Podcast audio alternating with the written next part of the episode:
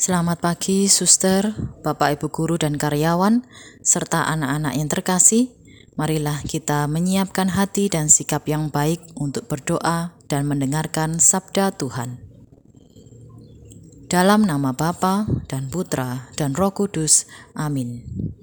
Puji syukur kami haturkan kepadamu, ya Bapa yang Maha Pengasih, atas anugerah hari dan hidup baru untuk kami nikmati. Semoga kami selalu melakukan kehendak dan rencanamu untuk melakukan segala yang baik dan apa pun yang kami lakukan pada hari ini menjadi persembahan terbaik bagimu. Amin. Inilah Injil suci menurut Matius. Dimuliakanlah Tuhan.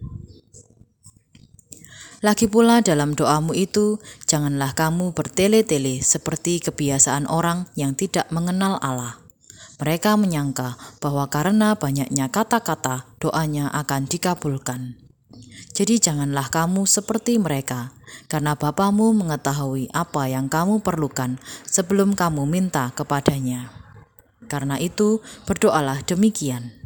Bapa kami yang di surga, dikuduskanlah namamu, datanglah kerajaanmu, jadilah kehendakmu di bumi seperti di surga.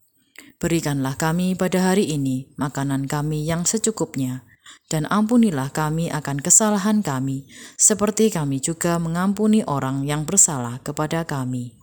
Dan janganlah membawa kami ke dalam pencobaan, tetapi lepaskanlah kami daripada yang jahat. Karena engkaulah yang empunya kerajaan dan kuasa dan kemuliaan sampai selama-lamanya. Amin.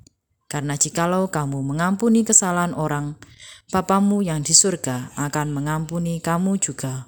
Tetapi jikalau kamu tidak mengampuni orang, Bapamu juga tidak akan mengampuni kesalahanmu. Demikianlah sabda Tuhan. Terpujilah Kristus. Suster, Bapak, Ibu, serta anak-anak yang terkasih, bacaan Injil hari ini, Yesus kembali menegaskan tentang hal berdoa yang baik dan benar di hadapan Allah. Lagi pula dalam doamu itu, janganlah kamu bertele-tele seperti kebiasaan orang yang tidak mengenal Allah. Mereka menyangka bahwa karena banyaknya kata-kata, doanya akan dikabulkan. Jadi janganlah kamu seperti mereka, karena Bapamu mengetahui apa yang kamu perlukan sebelum kamu minta kepadanya. Berdoa merupakan ungkapan isi hati kita kepada Tuhan Sang Pencipta. Namun sebelum kita berdoa kepadanya, dia yang maha tahu sudah mengetahui isi hati dan doa kita.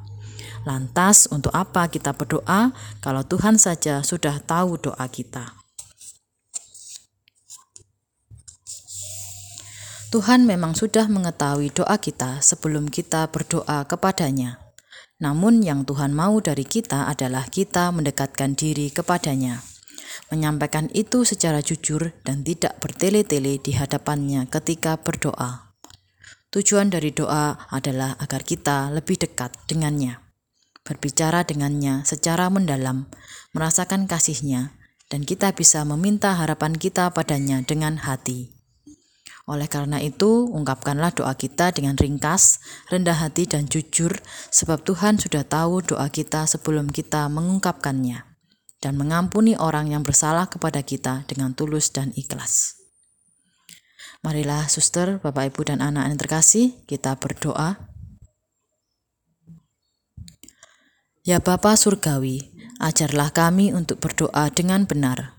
Penuhilah diri kami dengan roh kudusmu, dan tolonglah kami dalam kelemahan kami, sehingga dengan demikian doa kami akan menyenangkan Tritunggal Maha Kudus dan memuliakan namamu karena Engkaulah Tuhan dan Juru Selamat kami, kini dan sepanjang masa.